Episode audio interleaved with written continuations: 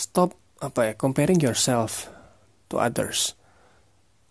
Tapi comparing yourself to you yourself. But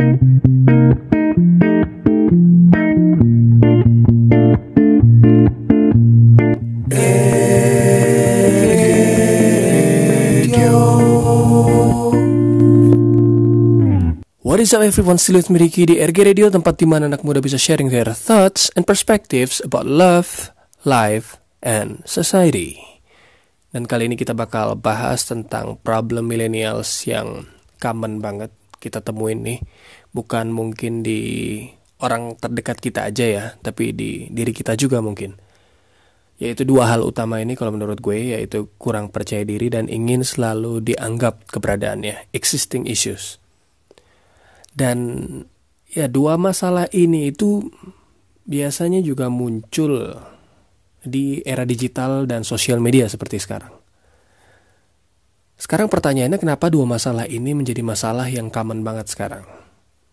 Kalau menurut gue, ini terjadi karena media sosial lagi marak-maraknya di luar sana dan media sosial tadi seperti Facebook, Instagram itu kan memudahkan kita untuk melihat kehidupan orang lain ya. Kalau dulu mungkin kita agak susah untuk mencari tahu itu karena sangat bersifat privacy. Tapi kalau sekarang kita dapat mudah banget akses itu semua dengan satu kali klik gitu. Dan karena kemudahan itu jadi membuat kita juga membandingkan diri dengan orang lain.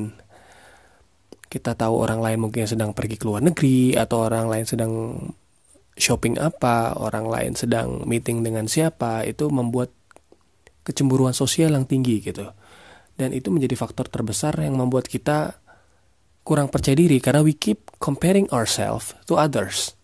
Dan seperti halnya juga dengan ingin selalu dianggap keberadaannya existing issues tadi.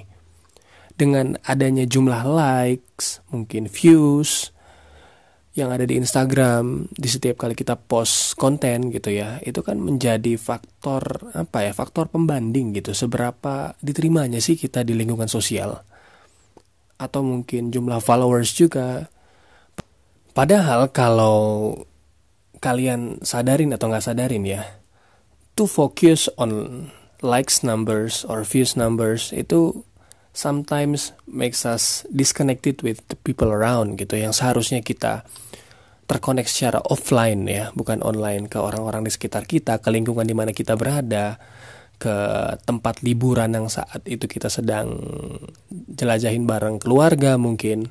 Itu malah ngebuat kita terpisah gitu dari momen itu semua. Jadi solusi untuk masalah kurang percaya diri dari milenial tadi ya buat gue stop apa ya comparing yourself to others tapi comparing yourself to you yourself. Bandingkan diri kamu ya dengan diri kamu sendiri. Setiap orang itu kan punya titik sendiri-sendiri dalam hidupnya, titik up and downs. Dan begitu juga dengan kamu gitu. Kalau kamu terus ngebandingin diri kamu dengan orang lain, kamu gak akan pernah tahu progres sejauh apa kamu sudah berkembang. Tapi kalau kamu bandingkan diri kamu dengan diri kamu sendiri, kamu tahu gitu dari tahun berapa sampai tahun berapa kamu tuh dulu seperti apa, kemudian bertambah tahun itu kamu menjadi pribadi yang bagaimana, sampai dengan di titik saat ini kamu sudah seperti apa, kamu bisa track setiap progres dalam hidup kamu. It's okay untuk punya seseorang yang kita impikan gitu, untuk, untuk punya seseorang yang kita idam-idamkan supaya suatu saat nanti kita menjadi seperti dia gitu, it's okay. Tapi bukan berarti kamu harus bandingkan hidup kamu dengan dia appreciate yourself a little bit. Hargai proses dalam hidup kamu lebih lagi gitu. Sebenarnya emang enak ya ada di media sosial gitu. Jadi eksis, punya banyak follower. Gue juga pernah suka sih suka ngebayangin kalau misalnya gue sendiri punya banyak banget followers misalnya punya berapa m followers di mana gue bisa punya bener-bener punya impact buat orang di mana gua ngetik apa orang akan merespon seperti apa itu emang rasanya senang gitu. Tapi setelah dilihat-lihat apakah semua orang yang seperti itu memiliki kehidupan yang bahagia dengan dengan kehidupan di sekitarnya? Sedangkan kita memang makhluk sosial gitu diciptakan sebagai makhluk sosial kita manusia kita perlu berkomunikasi satu dengan yang lain secara langsung. Gitu. Kita kita perlu yang namanya interaksi secara langsung juga. Kita perlu menerima kasih sayang secara langsung. Kita perlu menerima advices secara langsung. Bahkan kita perlu menerima pertolongan secara langsung.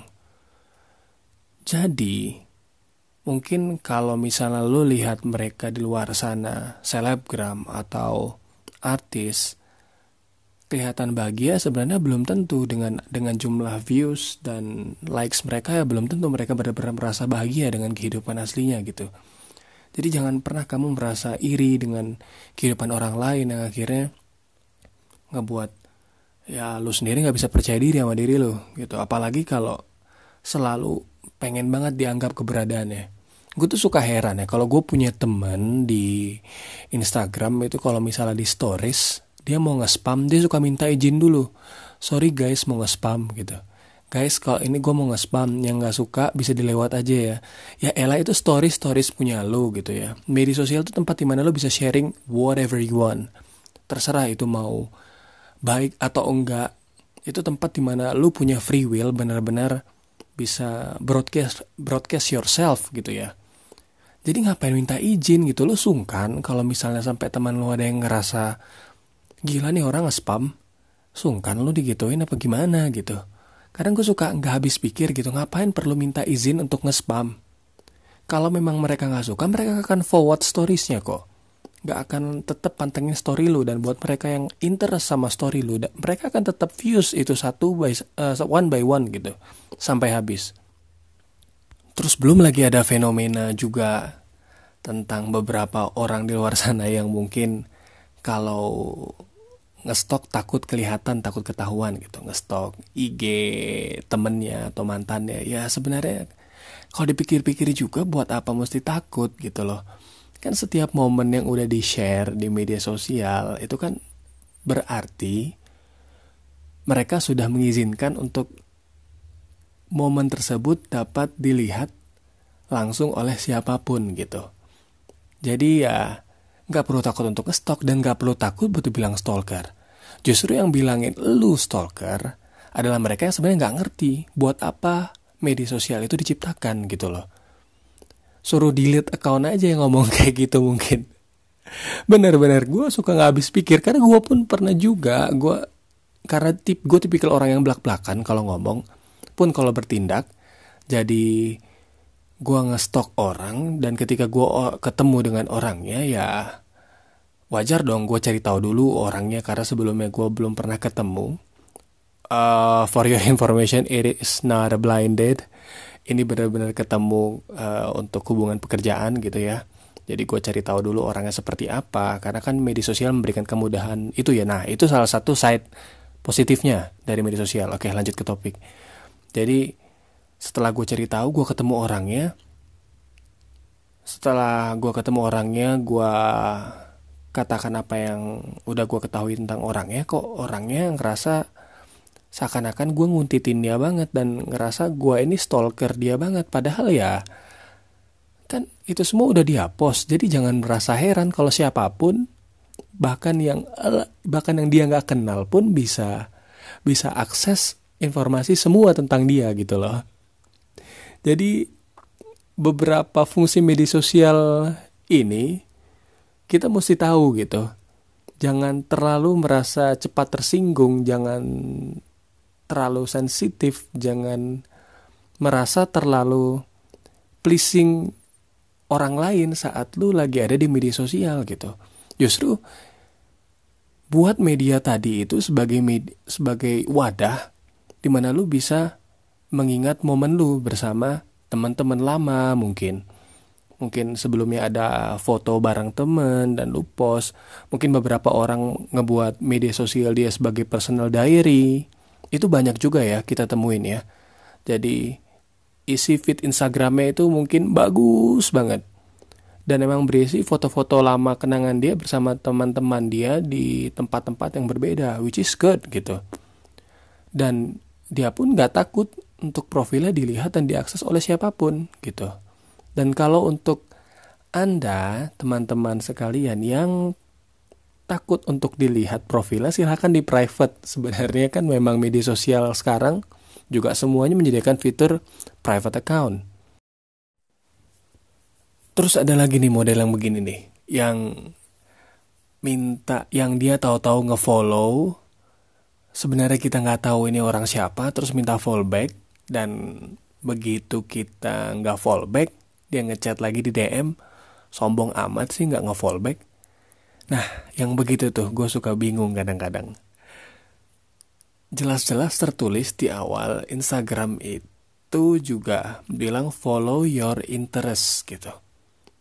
Which is kalau misalnya gue nggak punya interest sama lu gue nggak punya kewajiban untuk follow follow back lu gitu. Tapi kalau lu interest dengan kehidupan gue well silahkan gitu lo follow gue karena gue pun nggak pernah menuntut menuntut siapa pun untuk follow gue gitu.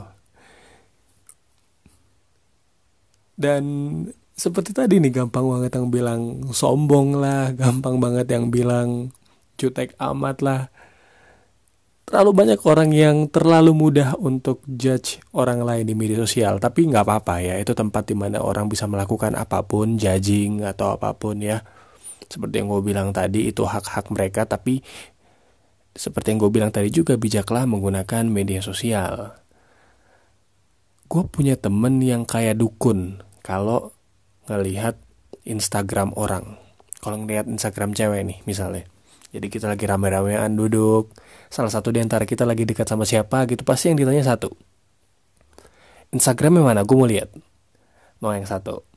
Yang kedua kasih gue tiga foto yang paling nampak mukanya 80% lu pikir buat apa? Bisa nebak nggak kira-kira buat apa? Setelah kita kasih dia lihat mendadak jadi dukun nih orang. Jadi bisa nebak. Nih orang di media sosial yang gua kasih lihat ini nih cewek ya dia bisa nebak. Ah nih cewek begini nih nih cewek begini nih. Dari mukanya begini nih dari bentuk matanya begini dari senyumnya kelihatan setengah-setengah nih orang pasti lagi banyak beban nih. Coba ada nggak teman kalian yang suka kayak gitu? Gue sih ada teman yang kayak gitu jadi suka pusing gitu. Dan ya sebenarnya itu nggak apa-apa banget dilakuin dan itu bukan sesuatu yang kalian harus avoid.